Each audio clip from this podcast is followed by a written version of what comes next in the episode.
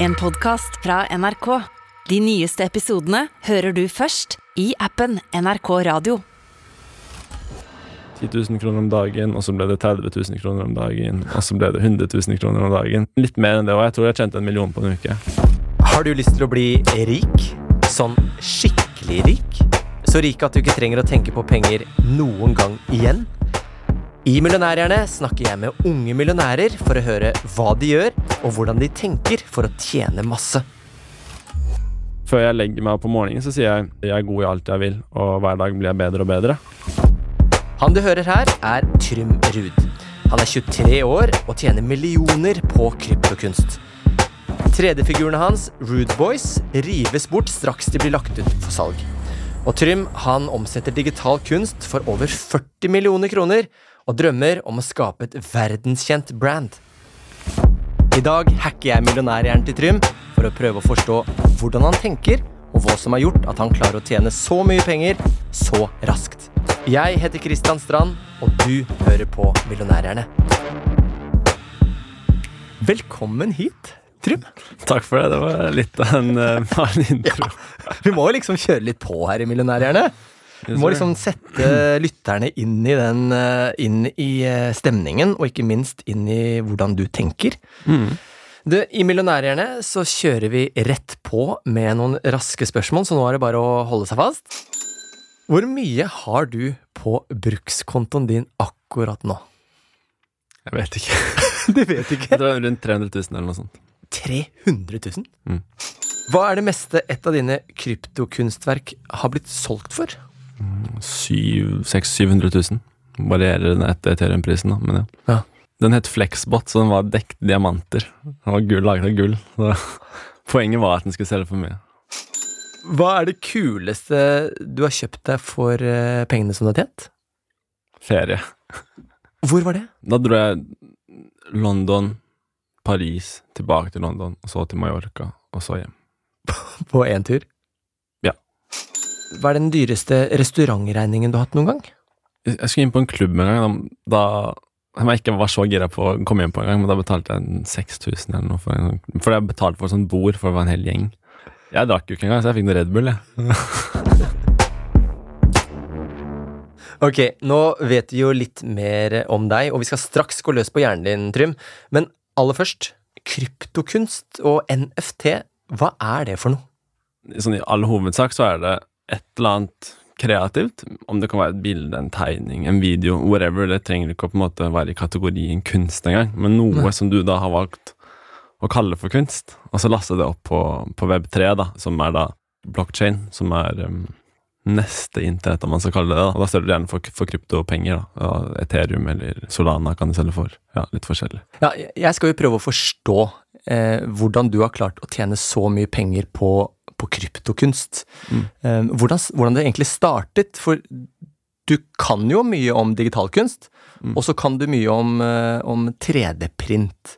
Men å gå derfra til kryptokunst, var det vanskelig? Jeg måtte sette meg inn. Det var mye prøving og feiling, og, jeg, og for å bli god i 3D, så gjorde jeg det hver dag da, i 100 dager. Så jeg lastet opp ett oh, ja. Instagram-bilde hver dag. Hver dag i 100 dager? Ja, Og bare lagde noe helt nytt fra scratch da, hver dag. Så da fikk jeg en veldig stor variasjon. Og det har jeg gjort Eksempelvis da, hva laget du da? En hånd og noe laser bare sånn helt random greier. da Men for har, jeg satte bare med Ofte satte jeg bare med en times tidsfrist for å gjøre det. For at det ikke skulle ta på en måte for lang tid, men også at det er en challenge. da For da får du virkelig dyttet ut den kreativiteten. Så jeg, jeg starta der, og, og lagde litt forskjellige greier. Jeg lagde en samling av sånne Du vet sånne stressballer? Ja, ja, ja. Sånn som pupper. Så, så, sånn er hjemme, Sånn stressball. Sitter og klemmer på den hele tida. Jeg lagde det, og så lagde jeg et par andre greier, og solgte ikke egentlig veldig bra, men, men jeg fikk solgt et par, tror jeg. Og så ble jeg eh, verified, da. Og, og det er ganske stor forskjell for å, å være ikke verified og verified på, på Rarible. For når du er verified, da kommer alt du lager, på en måte med en gang opp på, på forsiden. Da, Da er det på en måte godkjent. Sånn at da vet folk at det ikke er fake ting som på en måte bare er et sånn tomt løfte om et eller annet. Ja. Så solgte jeg et par ting, da, disse puppene og sånn diverse. Hvor mye solgte du de, de puppene for, for eksempel? Jeg husker ikke, 100 kroner eller noe sånt. Det var, det var ikke mye, på en måte. Nei. Men da hadde jeg allerede prøvd å feile litt da, med å, å minte og gjort en del feil, og ting hadde frøset, og, så jeg har brukt kanskje sånn 2000 kroner da, for, for ingenting, egentlig. ja, ja. Men, men jeg, det er feil å si, for jeg lærte jo mye av det. Og så gjør jeg på en måte en slags liten sånn markedsanalyse da, av som jeg ser på en måte hva er det som selger, hvorfor Hvordan gjorde du det? Jeg bare studerte markedsplassen, så hva som solgte, stalket litt, da, rett og slett, Ja. egentlig. Um, Hva og så- hva går, hva funker ja, ikke? og det er en sånn toppliste, da, så du kan se de som har solgt mest de siste 24 timene. Ja. Og så var det en som het um, Rarebit Bunnies, som var uh, Han tegnet kaniner. Altså, Hvorfor selger disse så bra? Det var sånn 2D-kaniner. De var sånn helt ok, det var ikke sånn spesielt kule. Hva skjer, hvorfor selger disse så bra? Um, og så Disse var nummerert, da. Så det var liksom nummer én, nummer to, nummer tre. Og de, de var også i et opplag. Og da var det sånn Å, shit, man kan samle på det. Det, det er kult. Ja, Ja. Hva er det jeg skulle ønske jeg kunne samle på? Som jeg alltid hadde lyst til å samle på. Ok, jeg samler jo ikke så veldig mye, men sånne um, popfigurer, altså sånne leketøy, egentlig, det virker gøy. Ok, men Så figurer som inni sånne bokser? Ja. Ja, ikke sant? Så, så det syns jeg virket gøy. Litt sånn He-Man Så. For eksempel, da. Ja. Eller, eller det er noen sånne med litt store hoder, sånne nikkedukker, egentlig. ja, ja. Så det syns jeg virker kult. Jeg hadde to sånne som jeg har fått eh, på forskjellige tidspunkt av noen venner eller et eller annet. Da. Så jeg syns de var kule. Da. Så okay, det er gøy. Det var sånn jeg da kom fram til, til dette Rude Boy-designet. og Da husker jeg sånn Shit, nå har jeg en sånn million, liksom- million dollar idea, da. Ja, Ja, men skjønte du da at Ja, skjønte du da at det var en million dollar Nei, jeg bare følte det. Jeg bare sånn Jeg vet ikke om, man, om, om, det, er noe alle har følt på, ja, at det var en dritbra idé, liksom. Ja, det var sånn Eureka-moment. Og så, så brukte jeg et par dager på å jobbe med denne boksen. da Jeg gikk jo på grafisk design, så um, Så emballasjedesign og sånn syns jeg var ganske gøy. Og, og navnet Rude Boys kommer fra at jeg heter Trym Ruud, så Ja. etternavnet mitt er bare tweaka litt på det. Rude, altså, og Boys, da, med sånn. Så det er liksom jeg er the Rude Boy, og dette er mine figurer. Akkurat som Ja. Stan Lees Marvel, på en måte. Oh, du, du, du ser opp til, eh, til det universet, ja. Jeg, jeg, jeg ser veldig lite på Marvel. Men, men sånn praktisk, bare for at, at jeg skal forstå hvordan det fungerer. Ok, så hvis jeg tegner noe eh, digitalt, la oss si at jeg tegner et ansikt, hva gjør jeg med det for at det skal bli kryptokunst eller, eller en NFT? Som veldig enkelt, sånn som jeg gjorde i starten. Jeg kan bare fortelle om det, for det er kanskje det beste. Men da, da blir det lastet opp på en markedsplass. Så da brukte jeg noe som heter Rarible, hvor jeg da tar um, kunstverket mitt, og så legger du opp som egentlig som Instagram. Du bare laster opp en fil, og så velger du et cover for den filen, som da kan være en gif, eksempel, så den alltid spinner rundt. Det er litt mer sexy enn at det bare er et bilde der. ikke sant? Ja. Og så skriver du hva den skal hete, og så litt info om, om objektet. ja. Og så kan du velge om det skal være en kolleksjon, da. Så vanligvis så på, på Rarible så har du da en sånn Rarible-kolleksjon hvor alle som Tenk at Instagram var en public profil hvor alle bare kunne laste opp alt på en måte til Instagram sin bruker, da. Oh, ja. Så alt havnet i liksom samme Så, så det ligger veldig mange forskjellige ting Ja, der, da. så, så det er på en måte første greia. Så det var der jeg lagde de ti første Rude Boysene. Og da kan du enten ha Det er to forskjellige typer kontrakter du har, da, i hvert fall som er veldig standard, som er ER7 Nei, ERC 721 og E ERC 1155. Okay. Og 721 er én av én kunst. Du kan ikke lage ti som er like, da. Nei. Og så er det 1155. Da kan du ha flere av samme ting, da. Så du har ett originalverk. Mm. Det kan være 721. Mens hvis du har print, så kan det være 1155, da, så da kan jeg si at det finnes 100 av denne NFT-en. Okay. Så 100 forskjellige stykker kan eie den, men de er jo fortsatt en ekte NFT. Det bare finnes flere opplag av den. Ja. Så det er det jeg gjorde med Rude Boys. Da Da er det flere som kan nyte det og samle på det, og, og snakke sammen om at de samler på disse tingene. Så det blir som på en måte å samle på frimerker. da Du og jeg kan eie på en måte samme frimerke. om du mm. hva mener. Ja. Men de første som du solgte, altså hvordan, hvordan skjedde det, og hvordan skjønte du at uh, dette var noe som kunne ta av? Da hadde jeg laget den første figuren, så da, da lastet jeg opp den, da. Mm. Og så bestemte jeg meg for at jeg skal gjøre dette her hver dag. Eh, Og det var min på en måte markedsføringsteknikk òg, fordi når du postet noe, så ble det jo, kom det på toppen før det ble dyttet sakte ned. da. Mm. Så tenkte hvis jeg gjør det hver dag, da kommer folk til å se det. Så gjorde det første dagen, lagde jeg en figur. Andre dagen lagde jeg en figur. Tredje dagen lagde jeg en figur, og ingenting solgte egentlig. Fikk jeg ett salg, husker jeg. Men var du dagen. spent da, når du lastet opp den første? Um, Var det sånn de gikk og la deg og tenkte sånn, Man var spent, liksom. Ja, altså du sjekker på morgenen, har jeg svart noe? Ah, nei, ingenting solgt, ok. Men jeg fortsetter. Og så på dag tre tror jeg solgte én. Det var veldig gøy, for da får du sånn rød sånn notification på en måte på nettsiden. da Oi, shit, du har solgt den. Oh, shit, 200 kroner. Dritkult. Og så dag fire. Og på dag fire så husker jeg spurte hun jeg var sammen på et tidspunkt, og var sånn Ok, jeg lurer på når folk liksom slår gjennom, jeg. Og så eh, hvor hardt må folk jobbe på en måte for å, for å slå gjennom en idé? Dette er veldig interessant. Og så, så jeg snakket litt om det, og så satte jeg meg en del mål den kvelden. da Ja. Ok, jeg skal selge for 100 000 kroner, det skal jeg gjøre. Dette var før jeg hadde solgt noen ting. da Jeg hadde solgt én figur. Så da ok, jeg skal selge for 100 000 kroner innen mai. Jeg lastet den opp, gikk og la meg. Så våkner jeg, og så er jeg veldig spent. da Klokka er kanskje halv syv, eller noe sånt, ganske tidlig, så jeg sjekker mobilen min. Og da er jeg ikke logget inn. ikke sant? Så bare sjekker jeg mobilen min, så så jeg sånn ah, what? Jeg finner ikke figurene mine, de er ikke her. Så sykt irriterende. ah, Jeg må bli tatt med Martin, det er noe feil. Ok, greit, whatever, jeg får se på det siden. Legger jeg meg igjen, og så er jeg sånn Nei, vent litt. Så sjekker jeg hvem er det som eier disse figurene. Sånn? Så, så fant jeg de, da, men det var en annen adresse som eide de.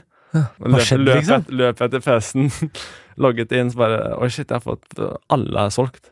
Så det var en fyr som hadde kjøpt alle sammen. Okay. Og da begynte DM-ene å komme inn da på Instagram. For var, jeg hadde ikke noe Discord på dette tidspunktet. her. Det var, NFT var jo helt annerledes på dette tidspunktet. Det var veldig sånn Texas cowboy-stemning. Så, Så de kommuniserte til, på instaen? Ja, med direktemeldinger, da. For Ja. jeg hadde linka Instagrammen min. Uh, og så Da var folk sånn «Å, 'Når slipper du neste fyr?' Liksom. Jeg, hadde, jeg har sett det i sånn i to dager nå. Hvor sånn- skrev de fra, da? Var det fra andre land, eller? Ja, han ene var fra Canada, blant annet. Og så en fra Australia var ganske hyppig på.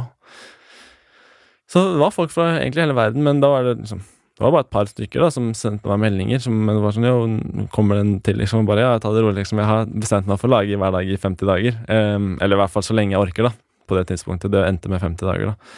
Um, og så, så jeg lagde den da, og da solgte alle ut på et kvarter. Da tror jeg det var kanskje 20 stykker jeg hadde solgt ut, da. Eller 10. Jeg husker ikke helt. Ok. Dagen etterpå solgte ut på sånn fem minutter, og så gikk det plutselig to minutter, og så gikk det ett minutt.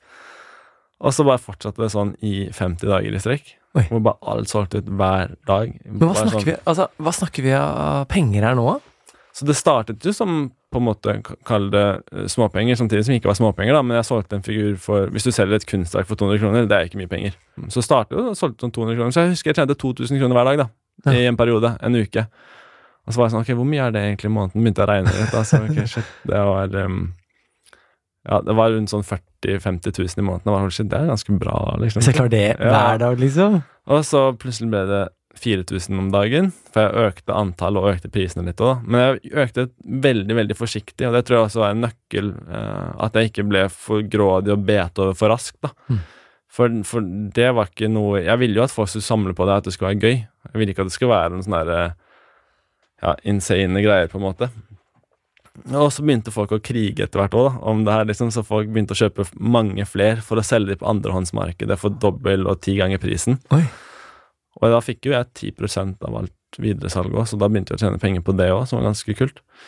Men så det, det så ble fort liksom 10 000 kroner om dagen, og så ble det 30 000 kroner om dagen, og så ble det 100 000 kroner om dagen. Så det var liksom Så det var jo mye mer mot slutten av den 50-dagersperioden. Jeg tror jeg hadde en uke hvor jeg tjente 100 000 om dagen, men sånn men litt mer enn det òg. Jeg tror jeg tjente en million på en uke. På et. En million på én ja, uke? Sånn helt crazy. Hvordan, hva, altså, hvordan, hvordan, hva det tenker du da? på en måte? Blir man blind, eller blir du sånn 'å, shit'? Gutta, Ja, man blir Ja, jeg skrøt jo ikke sånn veldig mye av det i det hele tatt. Jeg var sånn Det er crazy, liksom, men det, det er stupid, liksom. Hvorfor, hvorfor, jeg, hvorfor tjener jeg så mye penger på det her, liksom, figurene mine? Så det var veldig gøy og spennende, men herregud, jeg ble jo sliten av det, så jeg, jeg jobbet jo hele dagen, da. Men en dagslønn på 100 000 er det kanskje verdt det, da? Du, det er absolutt sånn sett, men altså, man skal jo leve òg, da, på en måte. Så det var jo ikke, det var ikke noe rom for noe annet den perioden. Og, og det er også derfor jeg tror jeg har gjort det bra, da, fordi jeg bare fokuserte liksom skikkelig grinda for det her eh, i den perioden, men også samtidig. Jeg hadde jo puttet inn mange timer arbeid på forhånd òg. Og jeg har også alltid sittet bakerst i klasserommet og tegnet og vært på en måte kreativ og liksom virkelig Ja. Eh, fokusert på på en måte kunst eller sånn kreative ting. Så det er, det er mange Ja, du var timer en som som bakerst i klassen ja, jeg var det. fyr. Jeg, jeg var det, I hvert fall på barneskolen og ungdomsskolen. Da skjønte jeg ingenting. Og jeg bursdag i desember, så jeg tror hodet mitt var veldig sånn tregt utviklet. Ja, på, du var yngst, på en måte. ja, på, mange, på mange måter, men når det kom til mer sånn logiske ting som matte og sånn. Men på videregående så husker jeg bare sånn Ah, nå skjønner jeg det. Ja. Så da fikk jeg sekser i matte, for eksempel. Oi. Men det tok lang tid, da. Men jeg hadde enkleste matten òg, da, det skal sies. si Ja, ja. Men eh, jeg hadde P-matte. Men um, uansett, så, liksom, så da skjønte jeg at jeg, jeg kan sånne ting òg. Men det er ikke sånn at det skjer over natten, samtidig som det kan virke sånn. Mm. For det er ganske mange timer og mye arbeid jeg har puttet inn bak det her, uten noe motivasjon om penger i det hele tatt også. Har det aldri vært Altså, da du først begynte å se til eh, de som gjorde det bra. Mm. Du så at de kaninene til han andre kameraten solgte. Ja, ja, ja. Har du aldri hatt noe motivasjon om å tjene noe penger på det, eller har det vært mer et sånt kunstprosjekt? Selvfølgelig ja, blir man jo sånn litt sånn stor i øynene. og Shit, han her fyren her tjente 10 000 kroner i dag på Mm. å selge den tegningen her. Holy shit, det er Ja. dritkult. Så Ja. man blir jo, selvfølgelig har man jo lyst på penger. Men det er på en måte ikke der jeg mener at motivasjonen skal komme fra, da. Hvor mye er det du har solgt eh, krypto, Mm. eller omsatt kryptokunst for nå, da? Det er litt sånn rart, for det eh, Så nå er det eksempel, vil jeg tro, mindre enn 40 millioner som du skal ha i introen, fordi krypto Ja. Eh, går jo opp og ned også. Men sånn rent sånn teknisk, sånn hva jeg har solgt Eller sånn Nei, jeg skal ikke snakke om lønnen min, det skal jeg ikke gjøre. Men, eh, men Hvorfor ikke det? jeg- for jeg, det er noe jeg har lyst til å holde litt privat, på en måte. Men eh, det er, ganske, det er en del millioner, da. Absolutt. Mm. Um, mye mer enn man forventer å, å tjene som eh, 23-åring. Og det er flere enn de fleste i nabolaget. Eller sånn, og jeg bor i et fint nabolag. Ja. Det er flere, flere mer enn de har tjent òg, så um, Ja, hvordan er det å være en 23-åring i nabolaget og være kanskje den som tjener aller mest? I en alder av 23, da. Det er noe jeg har tenkt veldig lite på, fordi eh, jeg er ikke så glad i å snakke om penger, fordi det kan jo liksom føre til på en måte sjalusi og sånne ting. da Det er noe jeg liksom har lyst til å styre litt unna. Men har du, har du unna deg noe for eh, alle millionene? Jeg har unnet meg ganske lite Jeg har reist mye, Ja. som har vært eh, Som er kanskje den største fleksen. Å bare kunne ha den friheten, da, siden jeg Er Er det business class og full pakke. Nei, nei, nei. Jeg flyr helt Jeg flyr Ryanair. Millionærer eh, flyr Ryanair. Nei, jeg liker å, liker å fly billig. Jeg liker ikke å bruke unødvendige penger, men det jeg liker å bruke penger på, jeg liker å uh, kjøpe unna meg litt klær. Ja. Uh, jeg har kjøpt en klokke, en Rolexen der. Jeg hadde aldri tenkt å kjøpe en Rolex, men så kommer en kompis som er urmaker til meg, eh, og sier sånn Jo, jeg har en Rolex, vil du ha den? Og så var jeg sånn Dette var tidlig i fjor, da var jeg sånn Akkurat tjent eh, en million eller noe sånt. Sånn. Ok, okay jeg, kan, jeg kan ha en Rolex, det er greit. Og så, Hva kosta det? jeg betalte 90 000 for den. Det var en veldig god pris.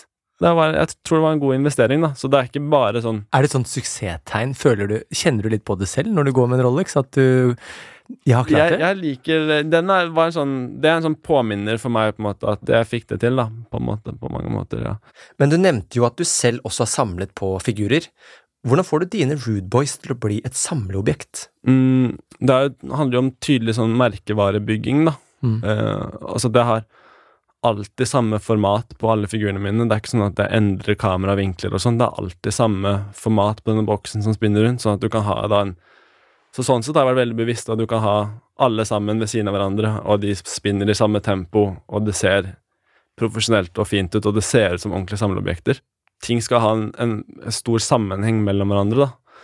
Og også har det også fått meg til å um, tenke på disse små underkolleksjonene av figurer, sånn at jeg har for eksempel et par krystallfigurer da, som havner i liksom samme kolleksjon. Jeg har Ja. en halloween-samling, så det er seks figurer som er laget i halloween-uken. Jeg har syv, tror jeg, julefigurer. Seks eller syv julefigurer som, som du kan samle på, da, som er et sett. Mm. Som gir folk en sånn viss eh, sikkert tilfredsstillelse av hele det settet. Men for å forstå litt mer om hva og hvordan du tjener penger på dette her. Mm. Um, du tjener penger når du selger, Ja. men så tjener du penger også hvis de som har kjøpt, selger videre. Mm. Hvordan da? Og det er ganske kult med, med, med kryptomarkedet, da, eller NFT-er, som du kan ha royalties. Så, og jeg mener jo at det skulle vært sånn i kunstverdenen òg, da. Men det er litt vanskelig å få til praktisk i kunstverdenen, men det er veldig enkelt med det av disse smart-kontraktene, som det heter. Så det er en smart kontrakt du har, der du minter inn NFT-er, da. Og i denne kontrakten så står det at med en gang noe blir solgt videre, så får jeg eh, eksempel 10% da. Nå har jeg tatt den ned faktisk til 5% Hvorfor satte du den ned? Det er for at um, det handler om å ikke være grådig, da, og, og at folk skal uh, oppfordre folk til å heller trade på uh, på kontrakten så jeg får 5% enn at de skal gjøre det privat, da, hvor jeg ikke får noen ting i det hele tatt, eksempel.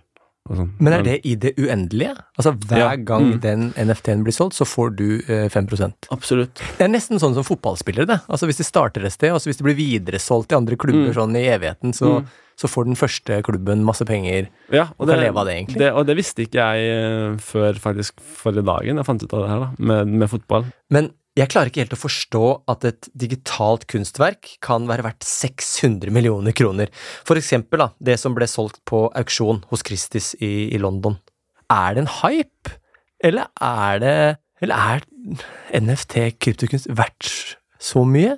Har, Altså, har de blitt lurt? Det, det har kun vært så mye fordi folk er villige til å betale det. Så jeg kan ikke si hva et pikselert bilde er, da. Vært den kryptopunk det er snakk om i dette tilfellet, så jeg kan ikke si hva den på en måte er verdt, jeg, liksom. Men det har jo vært kun det markedet er villig til å betale for det, da. Og det er på en måte kategorisert som den første ordentlige profilbilde-NFT-en, da, disse kryptopunks. Og det finnes kun 10 000 av de. Og, og ved at du har den, da, så er det en status. Det gir deg etos, logos og patos, holdt jeg på. Det gir deg en del Jeg, jeg tror det er etos, da. Mm. Når du har, har en sånn en sånn figur da, som den representerer deg. Akkurat som å bruke en Rolex da, eller kjøre en Ferrari. Hvis du ser en fyr som kjører en Ferrari, så tenker du ok, men han har jo peiling på et eller annet. Eller noen som kjører en Porsche. liksom, det er sånn, ok, De driver med business. Han har fått til noe. Noe har de fått til, i hvert fall. Um, og, og samme hvis du har, går med fine klær eller har disse skoene. Du passer inn i ulike miljøer, da. Og inni dette kryptomiljøet, hvis du har en kryptopunk eller en boardape, så betyr det liksom Å, shit. Det er ganske OG, Mm. Det- da. Ja. OG bruker man. OG. Ja, ja. Så det har en stor verdi i communityet. Mm. Ikke sant? Så, så derfor er man villig til å betale så mye. Det, er, ja, det er en måte å flekse på, da. på en måte. Er det mange som bruker Rude Boys som profilbilde? Sånn. Ja, faktisk ganske mange. Ja, så, så de er med ja, de som samler. Det var også noe jeg startet med helt, helt i starten, som jeg tror også var en av de første som gjorde. Jeg vet ikke jeg kan ikke, jeg Det kan ikke si 100 sikkert, da. Men jeg startet i hvert fall med hemmelige plakater. Dette var en salgsting jeg hadde, da. Sånn at folk kunne kjøpe figuren, men oi, shit, det er en hemmelig plakat òg, som det sto liksom i infoen. da, Ok, jeg må kjøpe den for å få tilgang til den hemmelige plakaten. Det er interessant. Hvordan ser den plakaten ut? Og så, så jeg lagde jo plakater til alle figurene, så det var det jo ganske mange hundre plakater etter hvert. da. Men det har også vært folk som har vært villige til å betale seg frem i køen. Det stemmer jo det, på en måte, men det, det er at man betaler mer gass, da. Som betaler mer bensinpenger, la oss kalle det. Så hvis det er ti stykker som skal gjennom Slusa. den smale slusa her, og så hvis eh, fem av de kjører like raskt, så kanskje de klogger den opp. Men hvis du kjører raskere enn de, så kommer du rett gjennom og får kjøpt mens de står her og loader, da. Så da kommer du raskere inn i køen. Og det var folk villige til å betale. Bruke gas. Da. Ja, så, så folk har brukt masse penger i gas, og vi kalte det faktisk Gas Wars, da. Så da kunne man betale liksom 100-200 dollar for, for å få lov til å kjøpe, pluss prisen kunstverket koster. Og hvis du ikke er rask nok i køen, så mister du de 100 dollarene, men du får fortsatt ikke kjøpt figurer. Så det er ganske brutalt, da. Så det er liksom Ja, folk det er sitter og mister sånn 1000 kroner og får ikke engang lov til å kjøpe figuren, bare for å få prøve å få lov til å kjøpe den. Men nå er, det, nå er jo eh, Ethereum gått en del ned, og, og de som var økonomisk eh, eh, investerte, har kanskje falt litt av, for de har skjønt at det er ikke så på en måte viable akkurat nå. Ikke så mye tjener, på en måte. Nei, men sånn de som fortsatt holder på med det og er flinke, de tjener jo faktisk veldig bra på det, men du skal være, ha litt mer ekspertise, da. Det er ikke sånn at alle kan bare hoppe inn og, og gønne på. Men noe, altså noe av kritikken til hele NFT, krypto, er jo at mange har hoppet inn med økonomisk motivasjon, bare. Mm. Bare 'jeg har lyst til å tjene masse penger', Mm. så jeg kaster meg inn på dette. Mm. Kall det kunst, eller kall det hva du vil.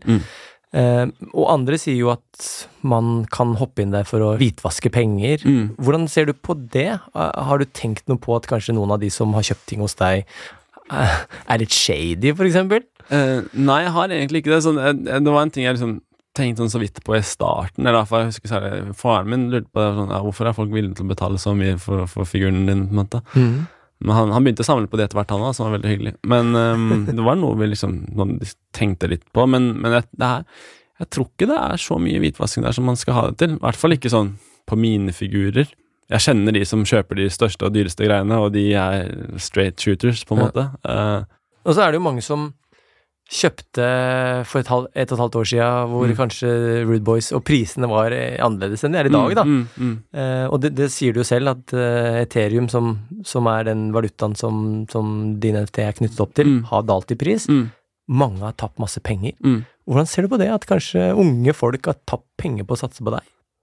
Det er på en måte deres valg. Der. Jeg har aldri sagt sånn Yo, investere meg, jeg kommer til å tjene dere masse penger. Det har vært sånn, yo, jeg lager samlefigurer, hvis du vil ha en, så er den din, liksom. Men det er ikke noe mer enn det, da.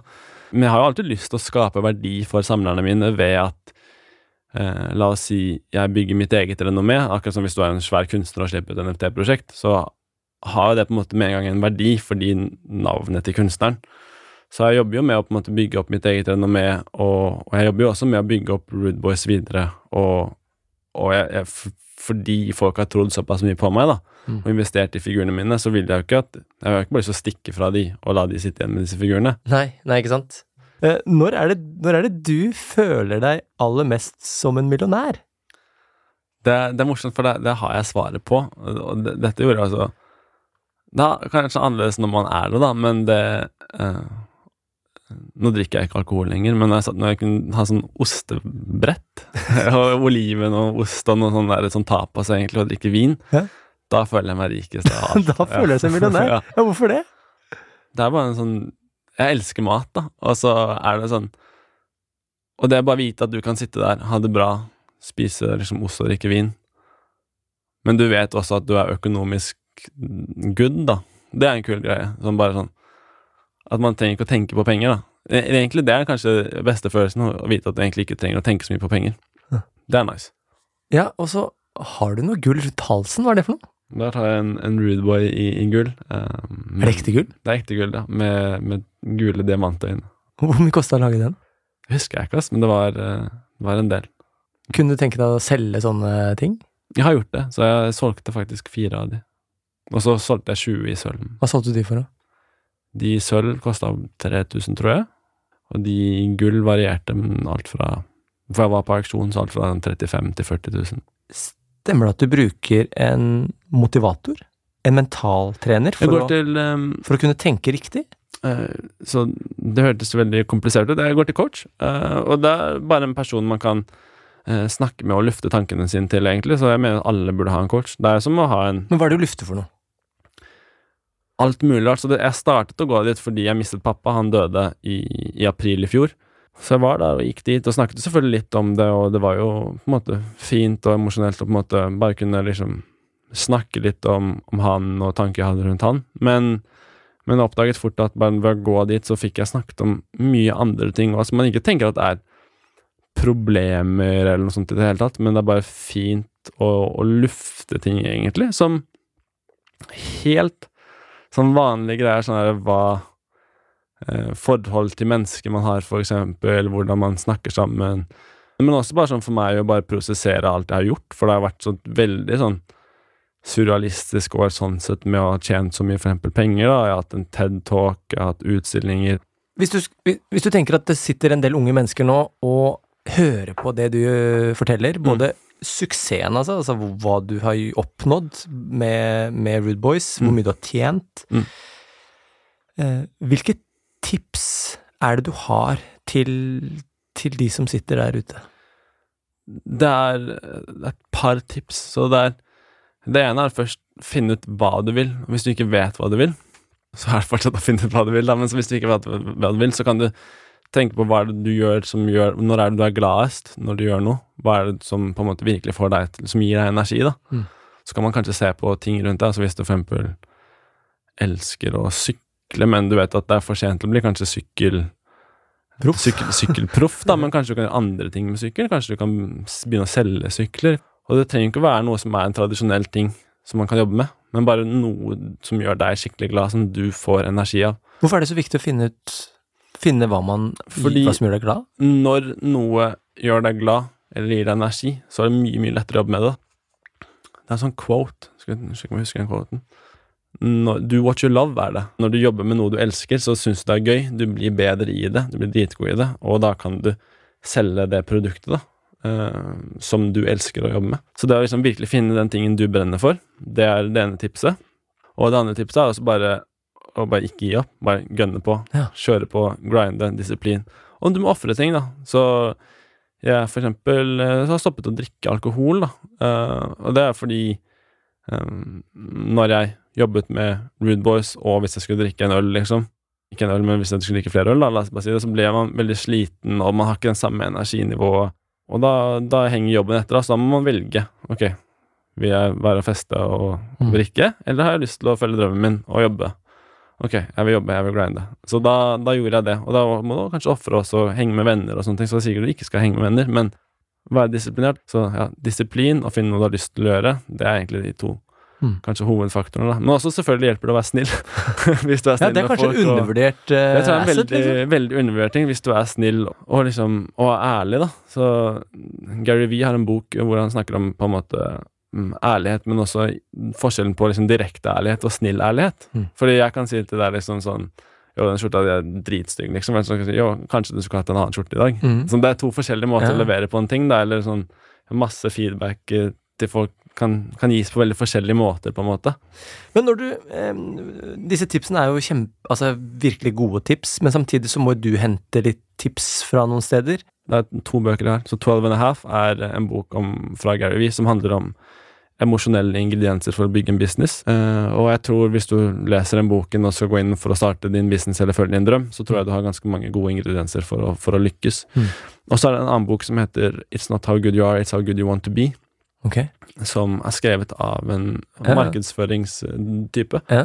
Det er rett og slett det tittelen sier. da Det er ikke hvor god du er, men hvor god du har lyst til å bli. Veldig enkel, rask bok. 100 sider. Super-easy å lese gjennom. Du kan lese gjennom på en ettermiddag.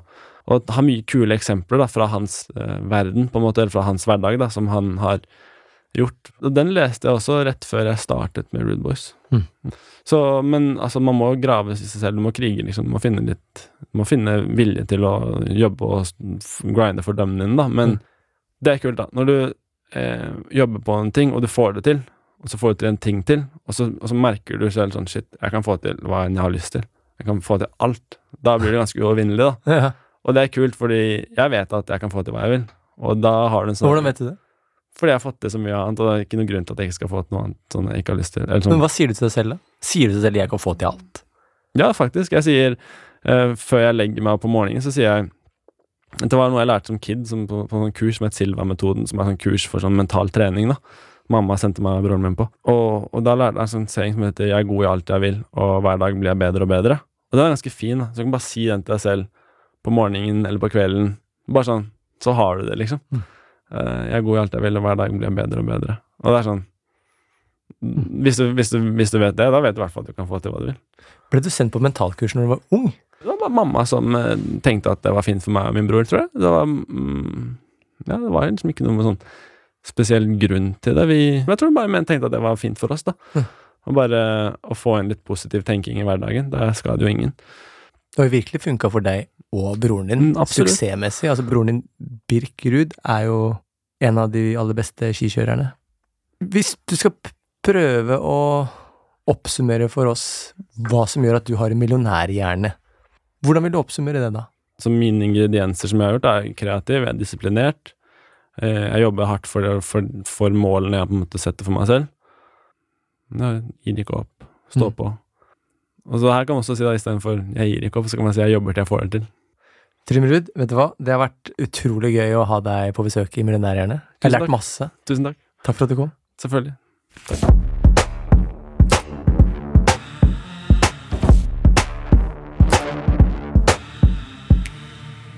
Denne podkasten er produsert av Freemantle Podcast for NRK. Den er laget av Anna Cappler, Espen Rogne og Annie Ostrø. Programleder er Christian Strand, og ansvarlig produsent for Freemantle er Mira Khan. Prosjektleder i NRK er Halvard Jacobsen, og redaktør er Randi Helland. Du har hørt en podkast fra NRK. De nyeste episodene og alle radiokanalene hører du først i appen NRK Radio.